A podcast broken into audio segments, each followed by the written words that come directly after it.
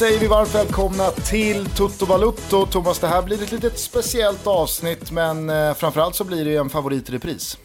Ja, exakt. Vi körde det förra året. Eh, framförallt favoritrepris, men också Kimpa show, får man ju säga. Ja, verkligen.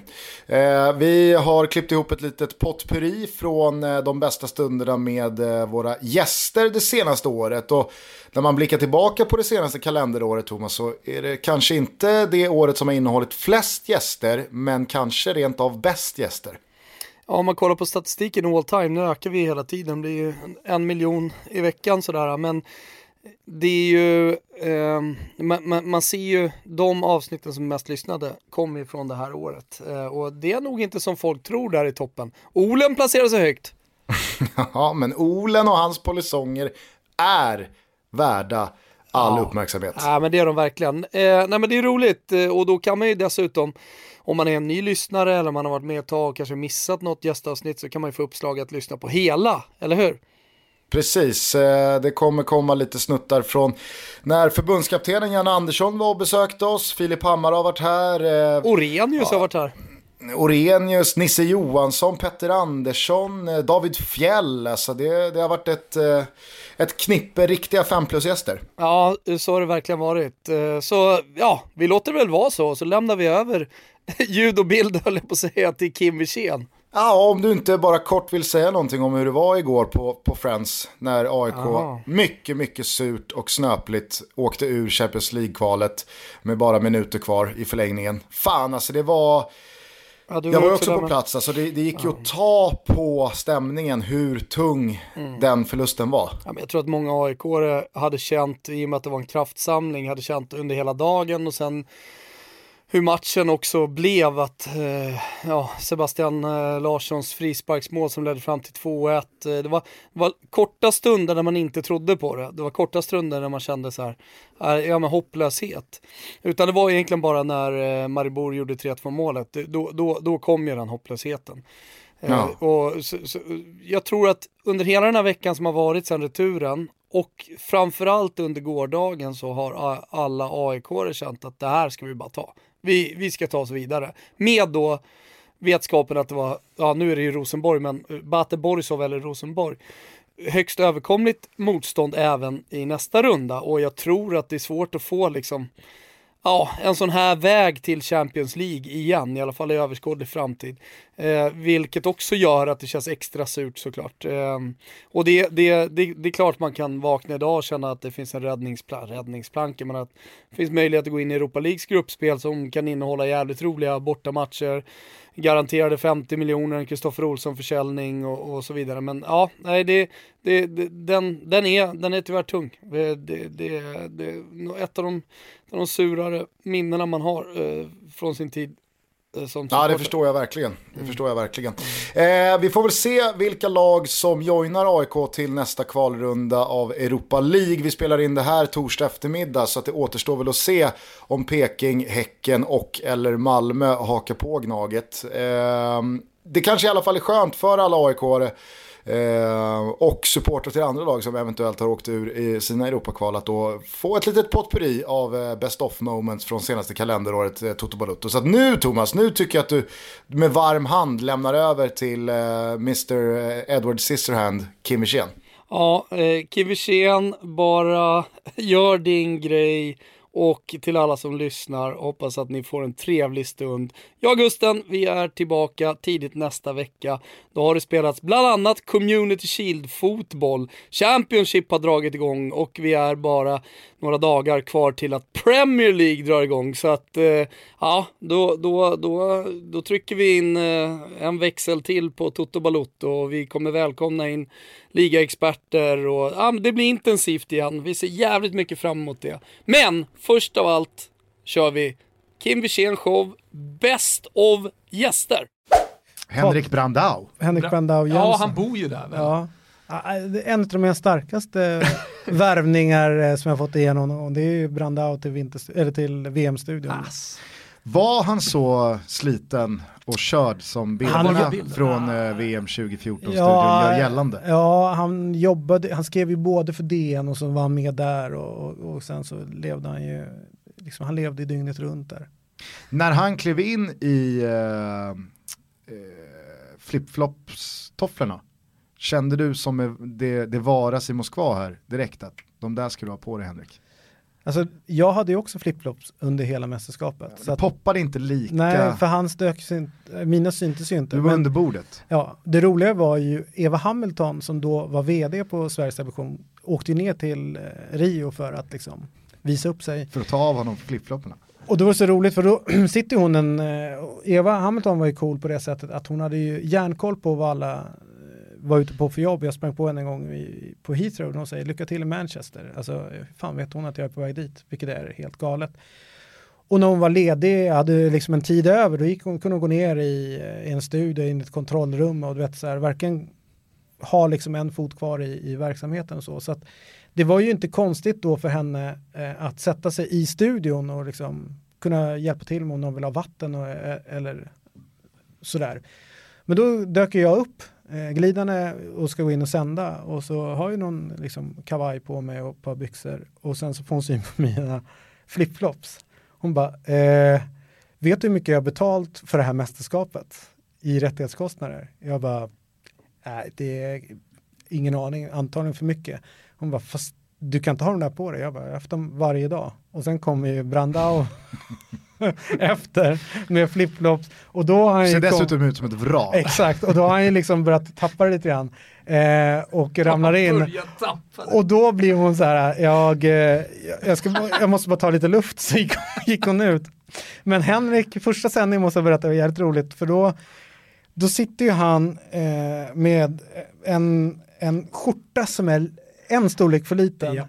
Och eh, knapparna eh, är ju som tur var inte fackligt anslutna för då har de ju gått i strejk för länge sedan. Så de jobbar så jävla hårt för att hålla ihop hela, hela tyget. Men sen så är det en knapp som lossnar upp, så blir så här ding ding ding, precis över magen. Och det händer precis när redaktören säger i örat på mig, kör. Och varje gång jag kollar på eh, Henrik så ser jag hans jävla mage som sticker ut. jag tänkte, jag kan nog inte säga det när vi är i sändning för att det blir ju alldeles för mycket. Så här. Men då lämnar jag iväg på ett inslag och så säger jag, du Brandao. Han bara, knapparna på din eh, skjorta har, eh, de har gått ut i strejk, de har liksom bara hoppat ur. Och han skrattar jävligt roligt så här,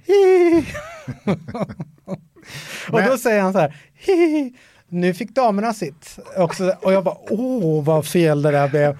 Uh, och då säger jag så att du vet att det, det är snarare en ölmage du har. Så här, så här, ja, jag tjänar bra, och knäpper inte. Jag bara, men knäpp igen skjortan nu människa. Men han lät den vara öppen hela sanningen.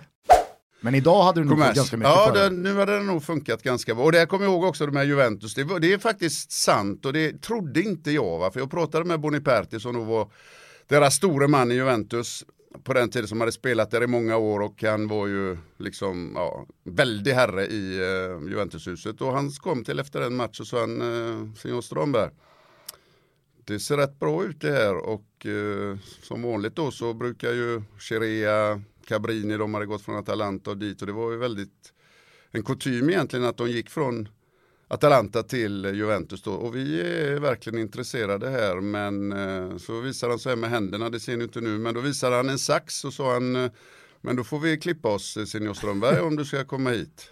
Han var inte imponerad. Nej, då tittade jag på honom lite grann, ja, ja, jag skrattar med lite, ja, ja just det, klart jag kan klippa mig. Och, och, så tänkte jag Juventus, och det är ju stort som satan. Och, ja, mm. Så gick det någon månad och så var det returmatch och så pratade vi lite sådär snabbt fem minuter efter matchen igen så sa han att ja, vi är fortfarande intresserade sådär och eh, men jag har inte sett något eh, med saxen så visar han med fingrarna igen en sax liksom. Och jag tänkte jag får fråga spelarna i laget här så vad, vad menar han med det? Och de helt på fullt allvar, jo jo men eh, ska du gå dit så får du klippa det. Alltså. Och det var sant alltså, och det vet jag idag i dagsläget att det var sant. För sen var det en annan argentinare som var på väg dit också som fick klippa sig. I sådana fall om man skulle spela det. För jag gjorde även Passarella med honom i landslaget. Kommer inte ihåg, Rondon hette eller sånt där. Jag tror det var en mittfältare som var riktigt bra. Han spelade också med långt hår. Så det var sanning det också. Men det var inte därför, det så långt kom det aldrig. För det var, hade jag fått hade du klippt dig? Ja, man hade väl gjort det ändå. Det känns ju lite konstigt att säga det för man vill ju ändå ha hand om sitt egna liv och sitt egna hår liksom och sådär. Men Fanns det ett sån kutym i ett lag som Juventus på den tiden så kanske man hade gjort det. Jag har ju klippt mig då till exempel. Fast din legacy blir ju bättre om du kör på storyn att nej, jag sket i att klippa mig. att jag, jag, ingen bestämmer över mitt ja, men vet, Jag ljuger väldigt sällan. Jag förstör ingen bra historia liksom. Den kan ju bli lite större med åren. Men jag ljuger aldrig om den och den här, eh, nej, så som jag berättade den så var den faktiskt. Thomas, eh, det är väldigt många som eh, hörde av sig igår när eh, vi berättade att Backe skulle komma hit. Som, precis som du och jag, har en fäbless för Hasses danska. Mm. Nej, min danska. ja, men vi har spelat, For helvete man. vi har spelat upp ett uh, klipp. Inte Patrik i... Ekvalls intervju eller? Nej, nej, nej, nej, herregud. Nej, nej. nej, men vi har spelat upp ett kortare klipp från någon inneplansintervju när du var i FCK. Där jag tror att du får frågan om era chanser att, om det är vinna ligan eh, med tre, fyra matcher kvar. Och du säger bara, ah, det finns inte en molighet. Du pratar liksom svenska, ja, men sen så slänger du bara in ja, molighet. Ja. Kan du inte bara upprepa den frasen? Det är väldigt många som vill höra den. Det finns ingen molighet. Nej, nej, nej, på din, alltså din svenska och så bara, nej, det finns inte en molighet. Det, det, det finns inte en molighet. Det är, jag skulle säga att det är en av de mest uppskattade fraserna i Tutu Valutos snart 200 avsnitt långa historia. Efter ett drygt halvår så sitter han till slut på Kungstensgatan 26. Varmt välkommen Filip Hammar. Tack, det känns som att jag sitter i en sån här biktstol. Ja, det är väldigt högtidligt. Nej, men biktstol, nu, och sen kan jag också tycka att det är väldigt, eh, eh det är självgott att förut, eh, eh, liksom förutse att folk eh, eh, ska veta om att jag har pratat om er podd i min podd. Så det, vi kan ju lämna det därhän, men jag ha, gjorde ju det en gång. Ja, Eller hade vi tänkt att släta över det helt och hållet Nej. här? Alltså jag tror så här, en gång i tiden så hade väl det varit någonting att ta upp. Eh, Kim kan väl klippa in de 14 jag... bästa sekunderna här från eh, när, Nej, när, jag, när Filip jag... går på volley.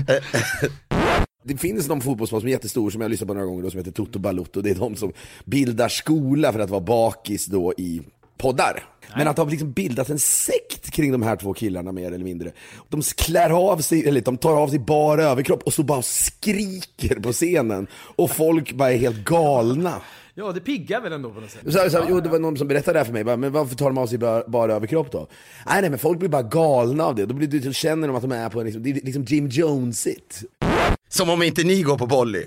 Det är klart att vi alltid går på volley. Ja. Eh, och, och så här, där och då, vi pratade, vi fick ju höra det på morgonen. Allt, och så skulle vi... vad allt byggde på? Ah, hela den sägningen byggde på att en människa i vår närhet, mm. jag tänker absolut inte avslöja namnet, sa att när ni kliver ut i era livepoddar så tar ni av er, tror jag, bara överkropp och bara skriker rätt ut. Ja, det, ja, men... det var vad jag fick höra. Och det valde jag då att och gå du på. Är ju precis, Stämmer det? Du är ju precis som oss någon som inte kollar en bra story. Nej det vore ju idiotiskt. Nej, hade du kollat storyn så hade du givetvis Hade, hade ni hört att Filip och Fredrik numera bara tar av sig bara överkropp och skriker när de går ut? Så hade Men ni... det enda som var dåligt med Stämmer det någonting av det här? Thomas hade ett eh, fotbolls-VM på Kung Karl där vi körde typ 15-16 events, där tröjan var av Tio gånger i Jo men i fotbolls-VM! Oh, ja, men, ja, men då hade jag ju helt rätt. Det, är ingen, det var ju ingen livepodd på, på Oscarsteatern. Så att egentligen var, ni hade ju nästan kunnat ha PO-anmält mig eller vad det heter. Men det en, den enda konsekvensen det fick, det var ju att när vi sen gjorde Oscarsteatern någon månad senare, då förväntade sig alla att vi skulle komma ut bar Uber för att på något sätt, eh, ja, svar, ja, svara nä, Nästa gång ni kör Oscarsteatern kommer jag ut i bar överkropp. Ja, och primalskriker. Ja, och primalskriker. och sippar ner gylfen. Ja men det, fann, det fanns en, en ja, men det, det man gillar apropå volley och det där och jag, byggde, jag snickrade ihop någon tes i realtid där men det finns, det var någon det fanns ändå någonting, och det här är bortom hela eh, att jag, vad jag snackade om i podden och anklagade er, är att, jag, det har pågått någon slags intellektualisering av sporten lite i Sverige som jag tycker har varit positiv, där man märker att folk som kanske Ja, men att börja gilla text, att börja gilla att formulera sig, att börja läsa. Där tror jag så att Simon Bank och, och Erik Niva haft en stor roll i det. Och att få, att sätta, att jag mindes eh, fotbolls-VM i Brasilien, då kommer jag ihåg att jag mässade de två eh, för att man ibland har ett behov att sprida kärlek omkring sig. Men så sa jag, fy fan vad jag tycker ni gör det här på ett helt nytt sätt när ni så här, i, nästan i varje match försöker placera in där i någon slags geopolitisk liksom, kontext och sådär. För det tror jag inte när Mats Olsson och sådana där var som stora, det var inte så mycket sånt. Det var ju mer att det var lite liksom spetsiga formuleringar och det, allt det där tycker jag har varit så jävla bra, även om jag inte heller orkar läsa alla Erik Nivas texter. Men att Erik Niva finns och gör det här tycker jag är så jävla viktigt och bra. Och jag tror att det där ändå har gjort att fler börjar läsa och då tyckte jag det bara var intressant om vi nu såg en ny era där Thomas bara går ut och skriker i bara överkropp. Så att fotbollen nu hamnar liksom numera huliganiserad istället igen. Fan, där var jag, det! fan vad jag känner mer och mer att du, du var nog närmre sanningen än vad jag ville Det är bara för att inse. vi kommer direkt från Göteborg och med Ja, och jag tror också så här, jag vill ibland distansera mig från hur Thomas beter sig. Nej, men lugn nu. Ja, men det vill jag. Alltså, jag, Det är bra! Men du måste ju leva för matchen, du måste ju leva för, för varje enskild. Du vet, jag, jag kan tycka, nu kommer det kanske bli, bli, bli, bli och en del som lyssnar blir förbaskade, men det här med att kommentatorerna ska filma sig själva och nu är jag på väg in på arenan och jag ska ta en bild och jag ska... Mm. Jag tycker, nej, men det är matchen. Och det- Men ta, ta, men ta, ta, gå, gå utanför sportens värld och så tar ni en, ett nyhetsprogram i tv. Och så står en, en utrikeskorrespondent där och säger här bakom på detta torget. Man ser ju inte torget, man ser ju bara den där personen. Här har det varit mycket tuffa uppgörelser och demonstrationer. Men flytta på dig! Nej, men det är om du går på en teaterföreställning och går in och så, kommer du, och så står det någon i vägen hela tiden.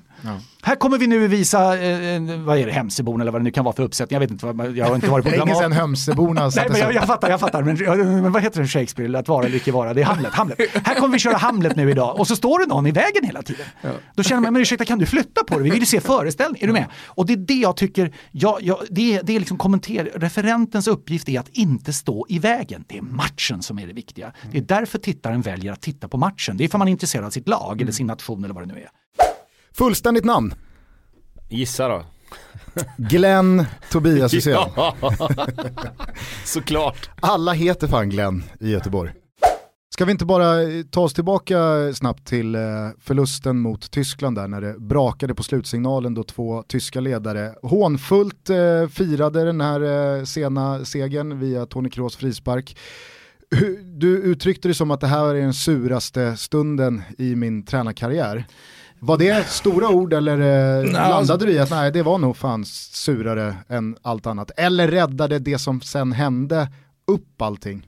Ja men det gjorde det nog. Alltså, det blev, men det sura var ju, jag ska inte dra hela historien för det tar lång tid men jag är ju född 62. 1974 var mitt första fotbolls-VM. Jag kan nog räkna hela laget med Bertil Fox Beckenbauer, Overath och Hörnes och Müller och. Fortfarande va. Jag, tyskarna var ju störst då. Det var ju liksom Sverige, jag- Ralf gör ju fantastiska vänstervolleyn mot dem. Men, men, men, Och vad eh, är klockan? Där kommer Edström. Volley! Åh, vilket skott! Dammars kalasskott som ni minns mot första målet mot Uruguay. Så är klockan. Ja, vad är klockan säger Bengt Grive. Det är fantastiskt. Men därför Tyskland för mig är så stort. Och när, när, vi, hade, när vi lottades i VM då 1 december i Moskva i Kreml av alla ställen. Jag har varit i Kreml, bara det, smaka på det. Och, och, och, eh, och då fick vi Tyskland. Så det är klart att jag visste Sydkorea, Mexiko, tuffa matcher, det ska bli VM-match. Men Tyskland, var, det, det fanns någonstans, det levde med mig hela vägen fram till VM att jag ska vara med som svensk förbundskapten mot Tyskland. Alltså, det, det, var- det, det var så stort för mig så redan innan så hade jag en sån anspänning, eller anspänning, det var så laddad för den här matchen. Och så börjar vi inte speciellt bra, de får fast oss och sen växer vi i matchen och vinner faktiskt med 6-5 i avslut.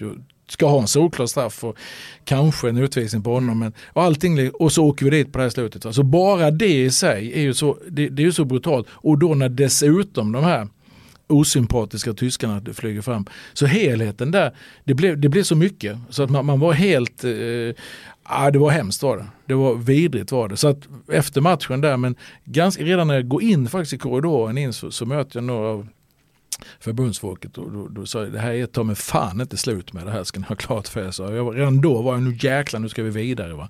mot Mexiko, nu ska vi ladda om. Nu ska vi, så att jag var nog ganska snabbt på väg igen efter det då. Men, men själva förlusten i sig och som det blev utifrån den prestationen vi gjorde mot bla bla bla, det var surt. Alltså. Fy fas.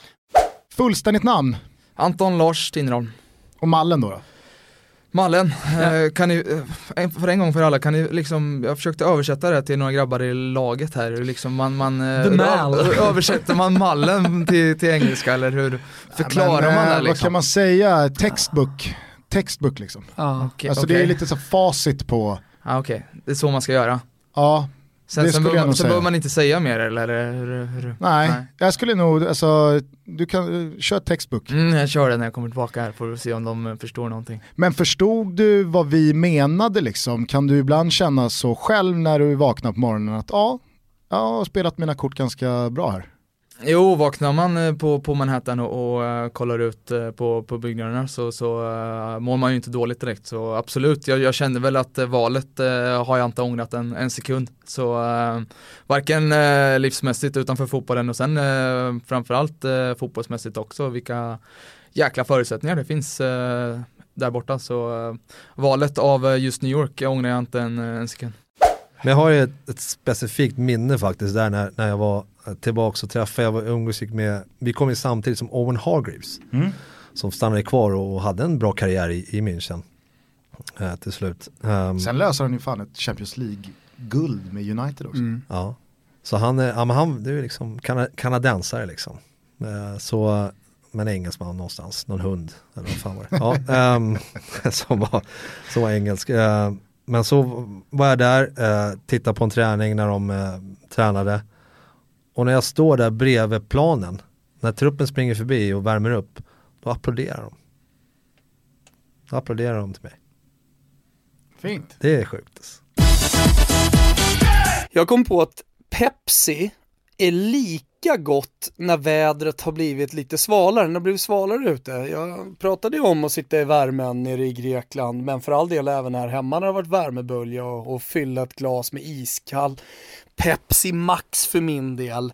Eh, men nu när det blev lite svalare och jag kände på nordanvinden och kände på en Pepsi Max utan is och citron, alltså en höst Pepsi Max för min del, ja men då tyckte jag att den smakade fan lika bra. Det är otroligt. Ja, visst är det otroligt. Den är så jävla god. Om ni vill vara med och eh, blindtestsmaka Pepsi och ställa den mot den bäst säljande koladrycken på marknaden så kan ni göra det i Göteborg alldeles strax. Man kan gå in på pepsi.se för att se vart Pepsi Max Taste Challenge eh, går vidare. Eh, men jag tror att nästa stopp är Göteborg och så går man dit och så ställer man upp i det här blindtestet och förhoppningsvis då förbättrar Pepsis siffror än mer från fjolåret. Så kan man säga tutto till personalen och så får man en liten hemlig gåva. Det är roligt också bara att säga Toto. Och så får man se vad, det- vad det är för lite gåva man får. Verkligen. Vi säger stort tack till Pepsi för att ni är med och möjliggör Toto Balutto. Och ta Thomas på orden nu då. Testa Pepsi i precis alla olika temperaturer. Och gör ert eget lilla, lilla test eh, huruvida Pepsi faktiskt är lika gott överallt och jämt. Strive Toto-tävlingen är avslutad Thomas, men jag tycker att eh, det fortfarande finns oerhört väldigt många incitament för att skaffa Strive. Ja, det gör det ju onekligen nu när vi har klivit in officiellt i augusti här och augusti är ju säsongstartmånaden. La Liga med eh, Alexander Isak inte minst då, men en jävligt rolig La Liga-säsong.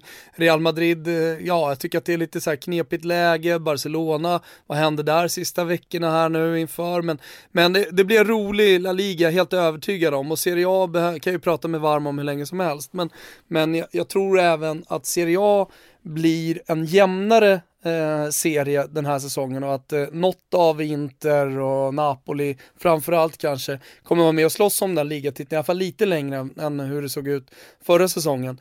Eh, och, och överlag, liksom, man, man går in i säsongen med att ha eh, de här ligorna tillgängliga. Och eh, kostar det bara 79 kronor, man får dessutom kommentatorer och annat jävligt fint på, på Strive. Ja, det, det, är en no-brainer. Så det är bara gå in på strivesports.com och så är ni med och, och följer de här toppligorna.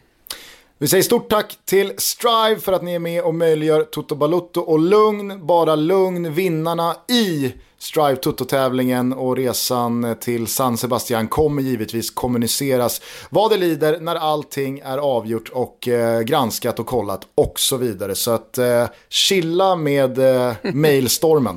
Ja, stort tack till Strive. Men är eh, rätta mig om jag har fel, blir eh, VM i sommar ditt eh, fjärde eller femte mästerskap? Eh, nu ska vi räkna här. Berättar de där fel så, så tog det hängslen och livrem och sköt två. EM 2013 var mitt första, sen var det ju VM i Kanada, sen var det OS i Rio och nu blir det då förhoppningsvis Fjärde. Nej just det, vänta, E- EM i Holland Ja, glömde jag ju nu, den ville Så man det ju, det, det hade förträngt till mästerskap. Så femte blir det ju om jag får lov att vara med där. Du ser, du börjar bli gammal. Ja, Har man spelat fem mästerskap då, då är man ingen ungtupp längre. Du ser ändå inte som självskriven i landslaget, hör jag. Nej det gör jag verkligen inte ända sedan jag blev eh, petad då för två år sedan så, så tar jag ingenting för givet längre.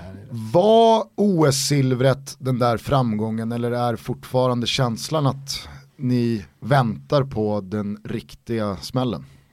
Vad säger du nu? Nej men alltså, det har ju sen eh, VM 2003, Ja, när eh, det var VM-final, så, så det känns som att egentligen ända sedan dess mm. Så har man gått och väntat Mhm, på att ja. Sverige ska vinna mästerskapet. Mm. Om det så har varit EM eller VM. Var OS-silvret den framgången eller känns det fortfarande som att nej vi har inte vunnit någonting och det är först när vi lyfter den där bucklan, det är då vi har gjort det. Ehm, givetvis är ju guld eh, ännu större och det är ju något vi vill nå men eh, OS-silver är eh, ganska stort också så jag tror ändå nog att det var var, var det vi nå, många hade väntat på och som vi också såklart hade väntat på. Eh, ja, alltså, på det sättet också som, som vi, vi tog oss till final, vi slog ut eh, hemmanationen efter att förlorat med 5-1 i gruppen eh, och s- slår även ut eh, regerande mästarna i USA också. Så att, eh, det blev ju jäkligt eh, coolt liksom och eh, otrolig prestation faktiskt. Får ändå hylla oss där. Ehm, så ja, jätte, jättestort var det med det silvret. Men eh, nu eh, får vi se vad som sker i framtiden. Vet du vad jag skulle tycka var intressant? Jag skulle tycka det var intressant om en sportjournalist tog över ett allsvenskt lag. Någon tyckare. Det hade varit jävligt kul att se, vad händer när Noah Bachner tar över Kalmar? Åker de ut då? Med hull, Är det eller så? med, med huvudet före. Är det så? Tror ni det? Vilken svensk journalist skulle vara bäst, som inte har fotbollsbakgrund, vem skulle, vem skulle lyckas Ja, men bäst alltså med ett professionell allsvenskt- fotbollsbakgrund, Vem det skulle är det du menar. Alltså Robert Lauli spelar ju i Ljungskile i Ja men där börjar man, ja, han ska nog inte vara med i då, utan Ah, så, okej. så, någon sån, nördarna som inte var så bra, vilken skulle vara bäst? Ta över Kalmar. Alltså Niva hade ju drattat ur med Kalmar. Hade han det? ja, ja, ja. Bank, bank, knappt en seger tror jag. Är det Thomas Pettersson som hade gjort det bäst? Typ? Är, det- Ja, är det någon sån? Alltså jag tänker någon med pondus. Nej, någon med stor- Olof, Lund. Olof Lund. Olof Lund hade hållit kvar Kalmar. Ja, alltså, Jag förstår vad du menar, stark ledare. Ja. Där har du det, för ni Olof hade Lund. inte grejat det heller. Jag hade absolut grejat det.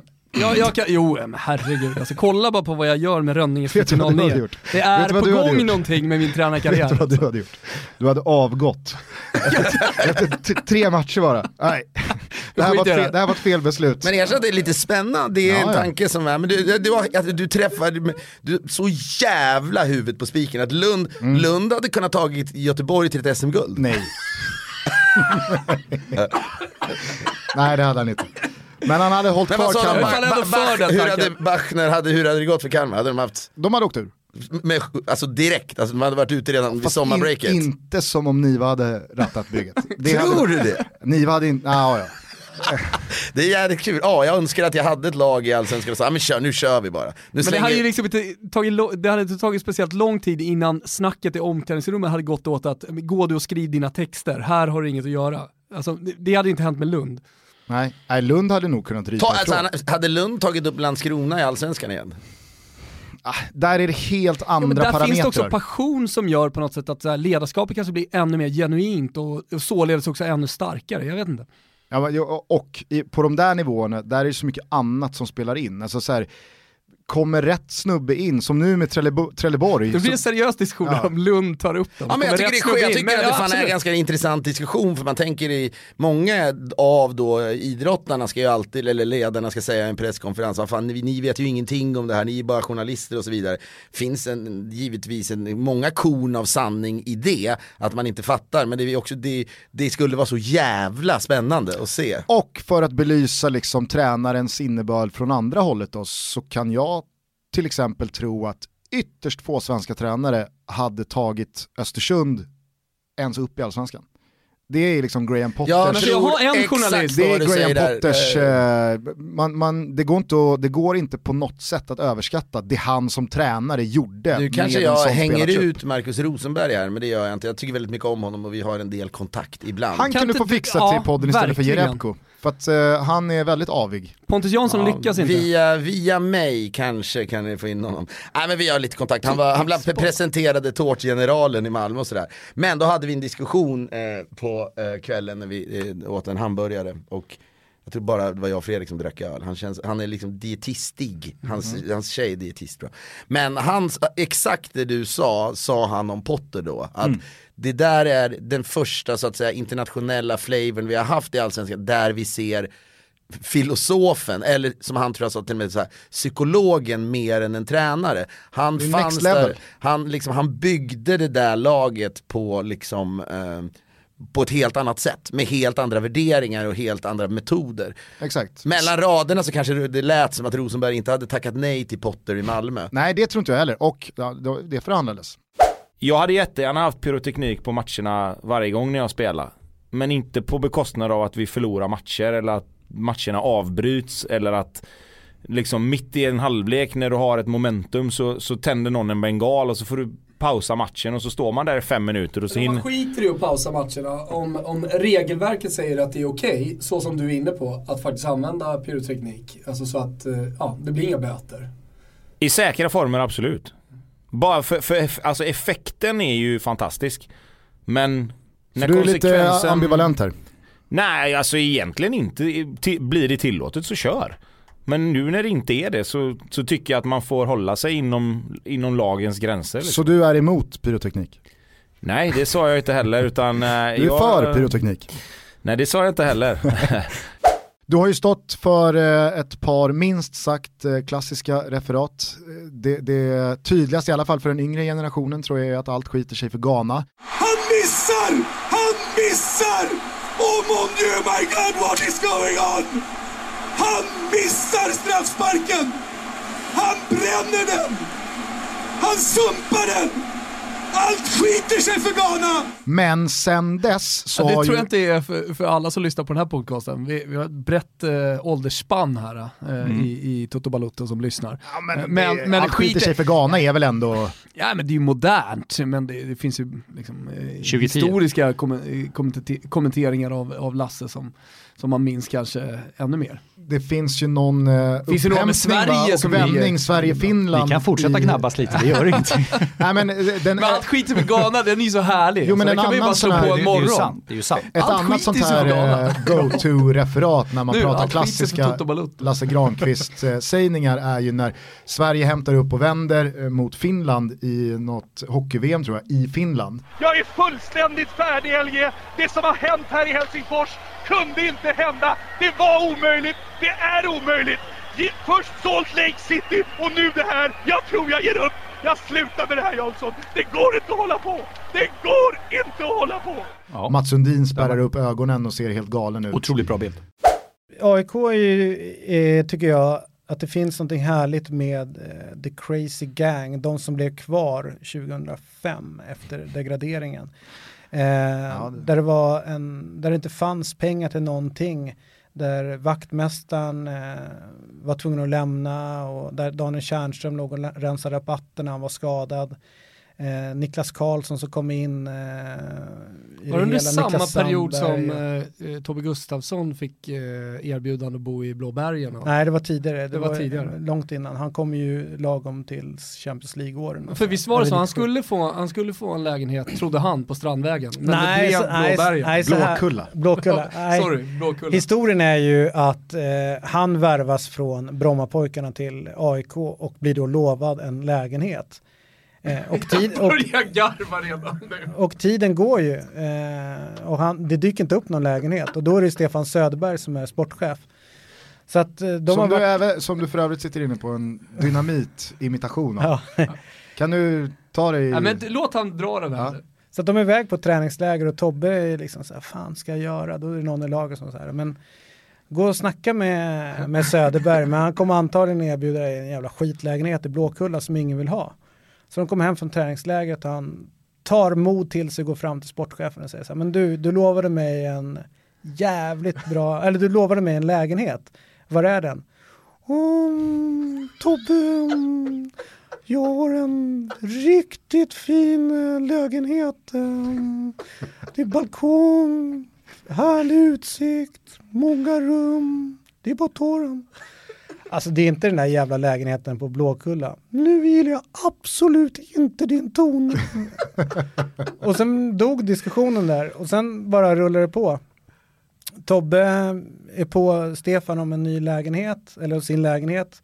Stefan svarar knappt. Och sen är det liksom, Tobbe bor tror jag hemma hos sina föräldrar då, alltså riktigt så, eh, i och med att han var lovad en ny lägenhet. Sen kommer ju han en dag och säger, nu får du, du lovat mig en lägenhet, du får ta och skaka fram en. Jag har en femrummare i kök, Strandvägen, vi hörs. Slutade med att Tobbe fick köpa en egen lägenhet. Så frågade eh, Stefan om det, det var ju lite taskigt. Det var det bästa för AIK.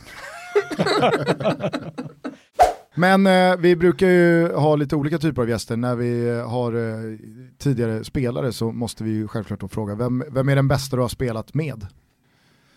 Eh, Så här i efterhand så är det ju, har det visat sig vara Virgil, Virgil van Dijk som nu spelar i Liverpool. Han eh, slog igenom mitt sista år när jag var kapten i Groningen som mittback. Såg du eh, en coming man som skulle gå för 800 miljoner då? Nej, nej gud nej. Men alltså som, jag tror att generellt så har man för hög, eh, man tror för mycket om de som är där uppe utan att som på något sätt ner på dem. Så skillnaden är inte så himla stor. Det är mest mentalt liksom, på vilket sätt de, de framstår så tror jag då som är den sista nyckeln som ska till för att som, han hade ju alla attribut.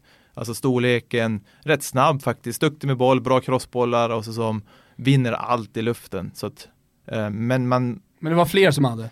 men, men exakt det är ju det, så att man, man, man har som svårt att se att ja, Liverpool och i stort sett en av de bättre mittbackarna i världen just nu så det hade man väl inte sett komma kanske. Men där och då, då för jag misstänker att van Dijk inte var toppklass direkt. Så att där och då, vem, vem har du spelat med som stuckit ut i, i gråningen? Nej, det var Dusan Tadic. Han var extremt duktig tyckte jag. Det var... Tillbaka i holländsk fotboll. Ja, precis. Han gör ju succé nu. Eh, Men det var Gjorde det inte i Southampton.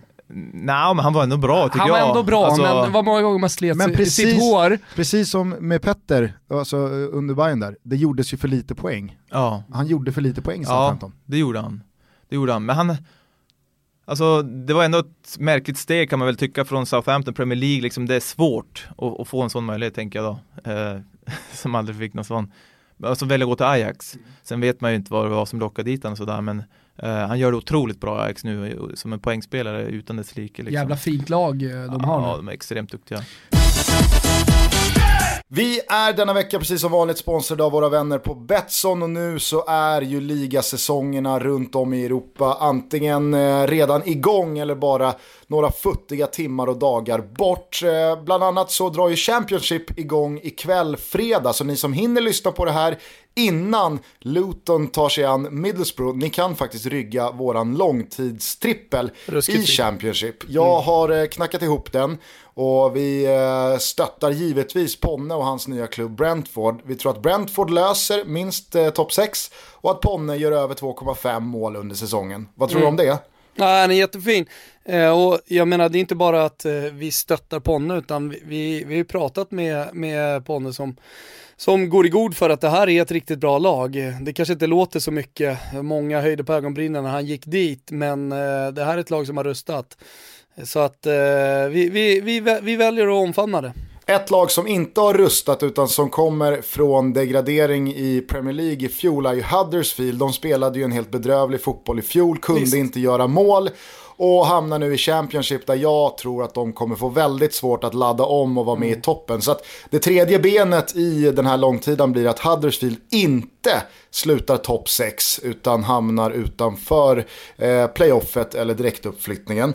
Den här långtidstrippen finns under godbitar och boostade odds på Betsson. Där finns också helgens trippel Thomas där du sneglar mot en målsnål start på toppsäsongen i England. Ja, jag ska bara säga det. Du, du, du sa det här, men, men bara förtydliga att man ryggar med 148 kronor och sen så lägger man in en screenshot på spelet under eh, eh Toto-trippen, hashtag Toto-trippen på sociala medier och så kan man vara med och vinna eh, jävligt snygga t-shirts från eh, Nakata.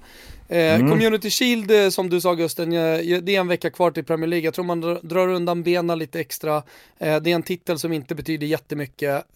således blir det ganska målsnålt, chansfattigt på Wembley. Det är i alla fall en matchbild som jag ser framför mig. och därför är det under 2,5 som gäller.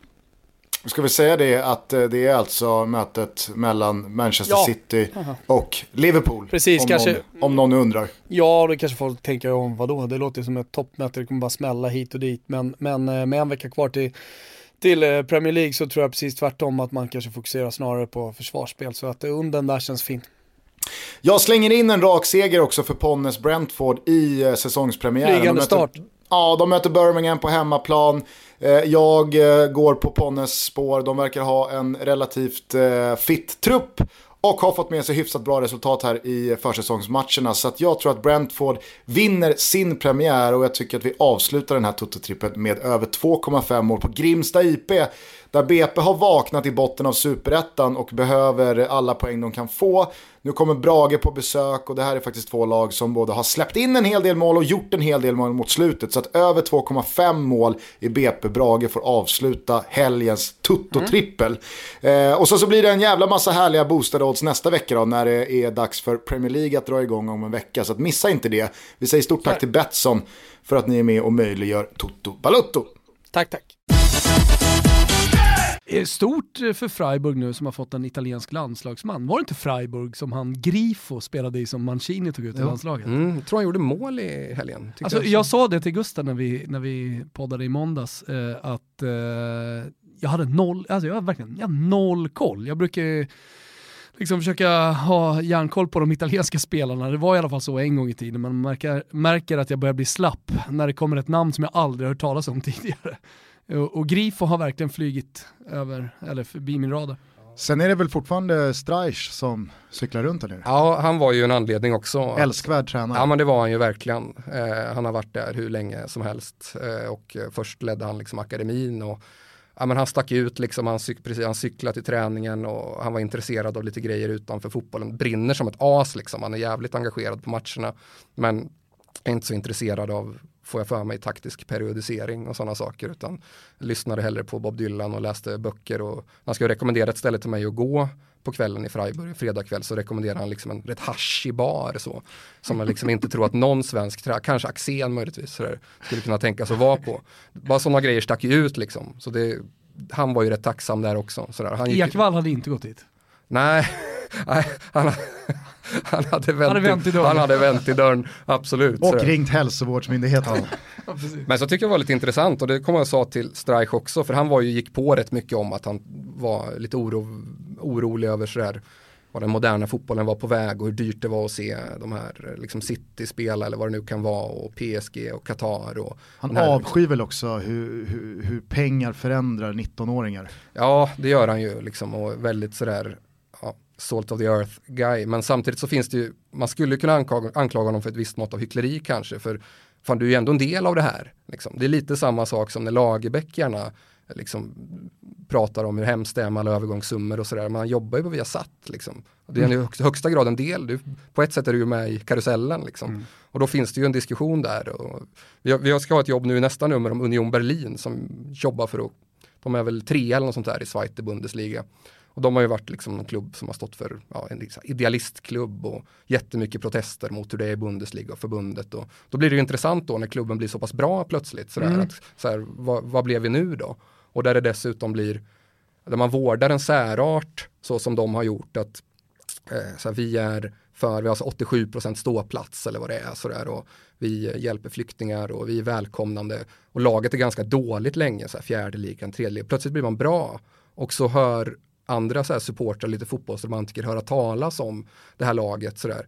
Och då blir det nästan en så här, turistattraktion. Liksom. Precis, som Mil, precis som Millwall kan vara precis. det. Liksom, ja, men, och som jag kunde uppleva lite när vi var i Hamburg i augusten förra året eh, och när man såg vad som hade hänt med St. Pauli. Dels området kring reperband som man verkligen har rustat upp och det är någonting helt annat vad jag kan tänka mig det var för bara tio år sedan. Och sen också men, supportershoppen, Under Armour som är nya märket, stort, flashigt, eh, jättemycket, som du säger, fotbollsromantiker, turister som har tagit sig dit. Eh, Mm. Så det, det, det känns som att St. Pauli håller på att genomgå någon slags förvandling. Ja, men det blir nästan som att det ingår på, det är liksom, säg att det kommer ett gäng från England och så ska de ha en weekend i Berlin. Då är det liksom så här, Stasi-museet, Checkpoint Charlie och så ska vi se Union Berlin, liksom det här laget som får mig att minnas varför, hur det var i England förr kanske när det inte kostade så här 90 pund att gå och se. Så då blir det lite speciellt, det är inte Union Berlins fel, men det händer ju någonting intressant när laget plötsligt blir så pass bra. Gillar du årets? Alltså, Jag har inte sett eh, damernas Ja, jag är lite, jag måste säga, jag har sett er nya tröja. Aha. Förstår inte riktigt det här Alltså, svarta, den gula? kla- exakt, det svarta kladdet på den gula.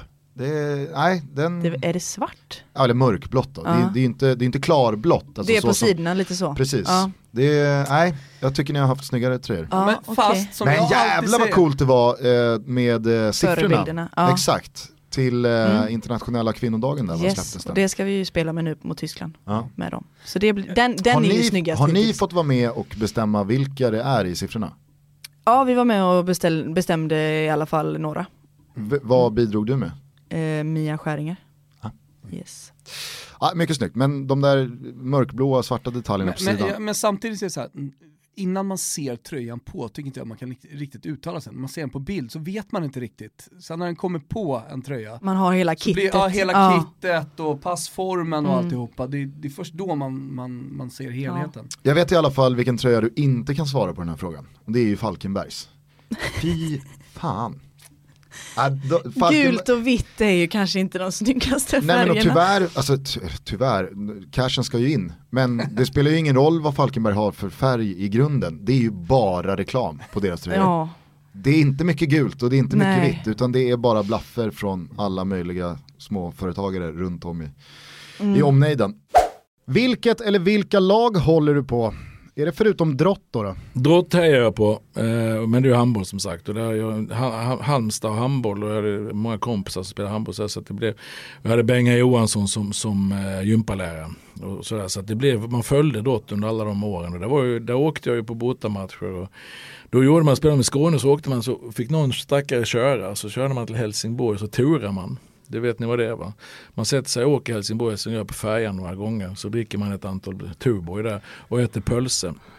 Det låter, som, man en, vidare. som en fin tid. Det är en fantastisk tid och så åkte man vidare ner till Lund och spöade Lugi eller till Ystad, till Öster, vad heter det, Österporthallen. Så, så det gjorde vi, reste några år där ett gäng och det, det var, så det, där var jag supporter på riktigt. Det var jätte, men det har jag följt man säger genom alla år drott. Sen är ju Alet min moderklubb. Spelar Det är ju min gamla kom, en av mina äldsta kompisar Håkan tränar dem nu.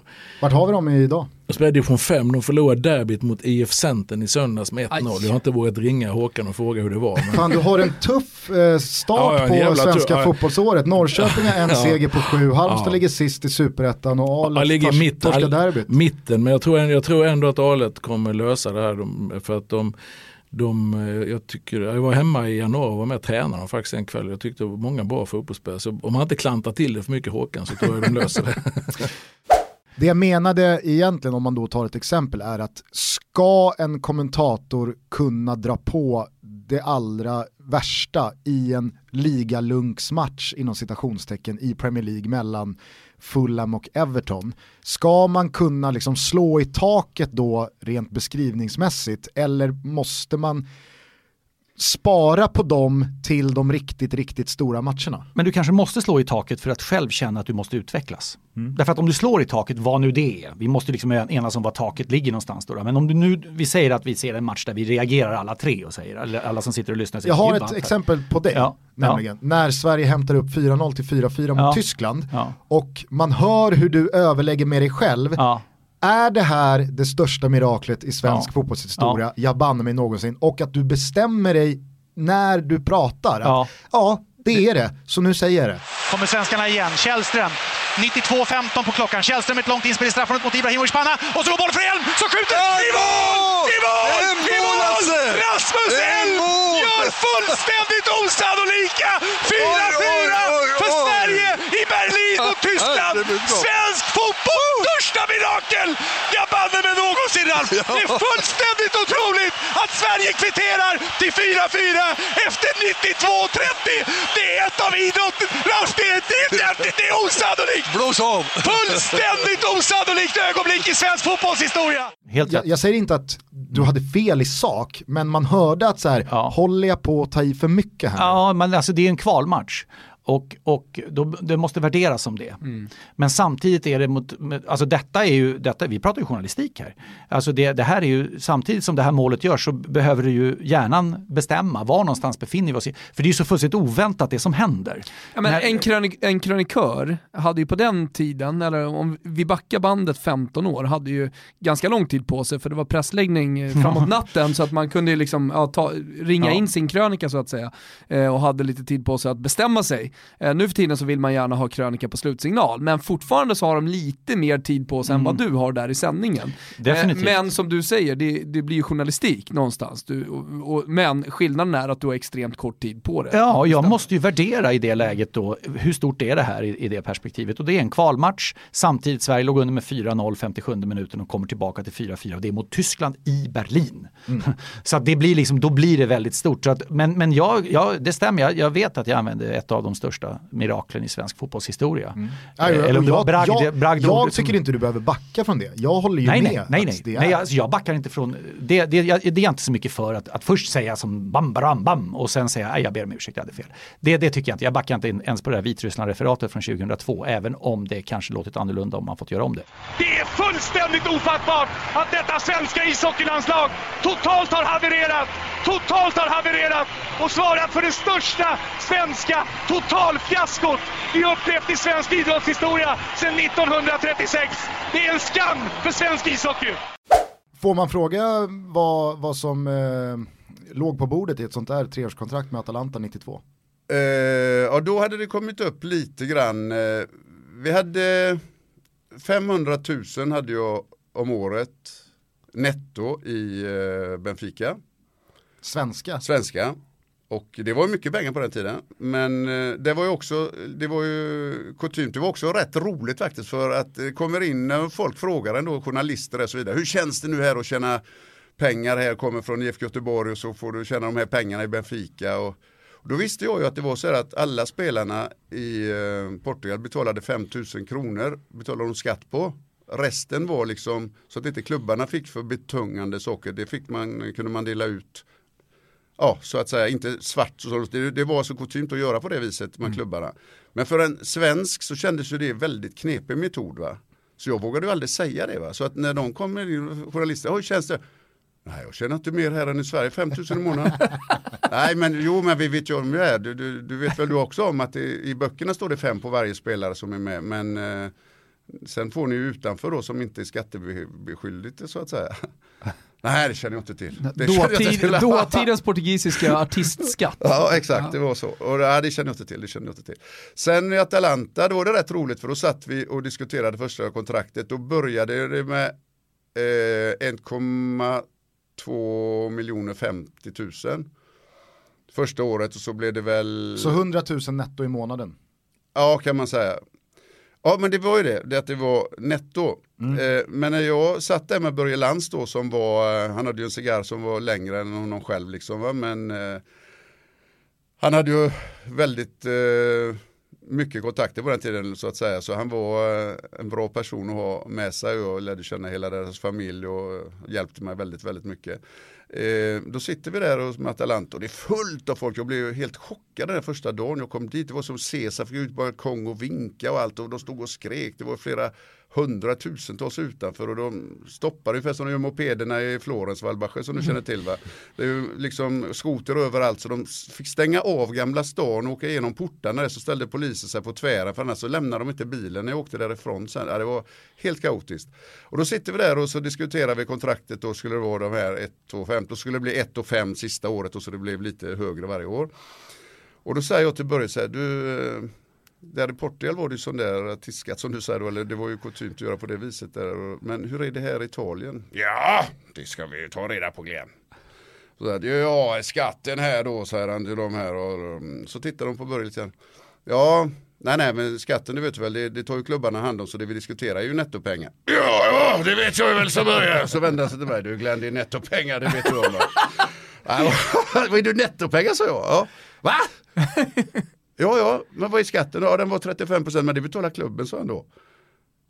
Ja, det, var ju, det var ju väldigt bra. Så det var en liten överraskning där också så att säga. Sen eh, fick jag ju bättre och bättre så att det var väl eh, dubbelt de sista tre åren jag spelade då mot de 1 och 5 och det var väldigt mycket pengar. Jag var ju högst betald svenska spelaren och liksom är du högst betald svenska spelare under den tiden du spelar så what, då kan du inte vara missnöjd liksom. Det finns ju inte en möjlighet och alla de som har spelat i Serie A under den tiden liksom, va, de, jag såg, jag, jag hatsåg hela den här dokumentärserien om Pep Guardiola och Manchester City som ligger på Apropå någon som skulle bli synad i alla All mot alla. nothing? Apropå någon som skulle bli synad i alla mot alla så är det ju Pep Guardiola. Har någon, om man lyssnar på honom, om man sitter och lyssnar på, det är ju det är skit som kommer ur hans mun. Han är ju dum, det är en dum människa.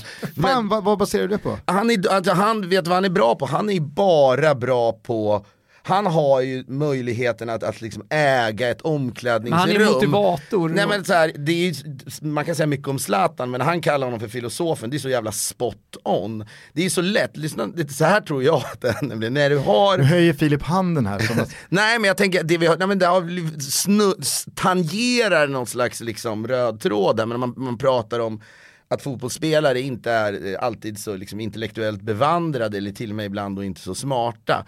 Han har ju världens lättaste publik att frälsa. I det där omklädningsrummet, genom att prata som han gör, så skapas en lojalitet. Det spelar ingen roll. De tänker, gud den här människan kan mer än jag, jag bör lyssna på honom. Och det är ju bra. Men vad, vad han snackar om, det blev så jävla avslöjande i den här dokumentären. Jag tänkte så här, men har vi helt, vi överskattar ju, så här, och det kanske jag, jag kanske är sen på boll, jag läser kanske för lite om sport, men så här, coachningens viktighet inom fotboll. Nu är det ju mycket mer bara vara filosof. Att få, så, så är det ju även i, liksom i basket när man alltid snackar om att he lost the locker room och då är det kört. Alltså, han är ju lite liksom så här han är ju en obehagligare, liksom så här, är en liten obehaglig sektledare, Pep, och det är ju superviktigt. Men smart är han inte. Det är ju samma sak med Klopp. Klopp är ju också dum. Han det är ju en dum människa. Men han är bra på att liksom samla, den som däremot är smart, det är ju han i Paris Saint-Germains, eh, vad heter han? Tuchel. Han är smart. Eh, nej, nu måste vi sluta innan vi eh, pratar bort hela kvällen här. Som alla gäster så får du avsluta ditt eh, avsnitt med en valfri låt. Ja, som alla vänder sig om. Precis. Är du satt på pottan. Jag är satt på pottan. Kan man ta något, typ Cornelis Vreeswijk eller någonting? Du får ta precis vad du vill. Eh, vad har han, hans bästa låtar kan jag tycka är bra, vilka är nu det? Men jag kan inte ens sortera det i min hjärna. Sommarkort är Cornelis bästa. Tack för att ni lyssnar, ta hand om er så hörs vi om några dagar igen. Ciao tutti! Ciao tutti!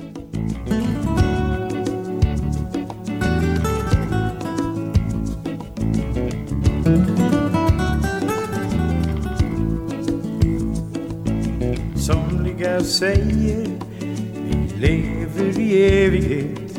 Fast döden är det sannaste som de vet.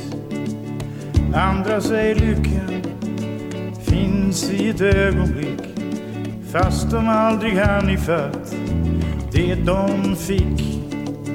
I kärlek och hat Fiende, kamrat Glädje och sorg hydda och borg.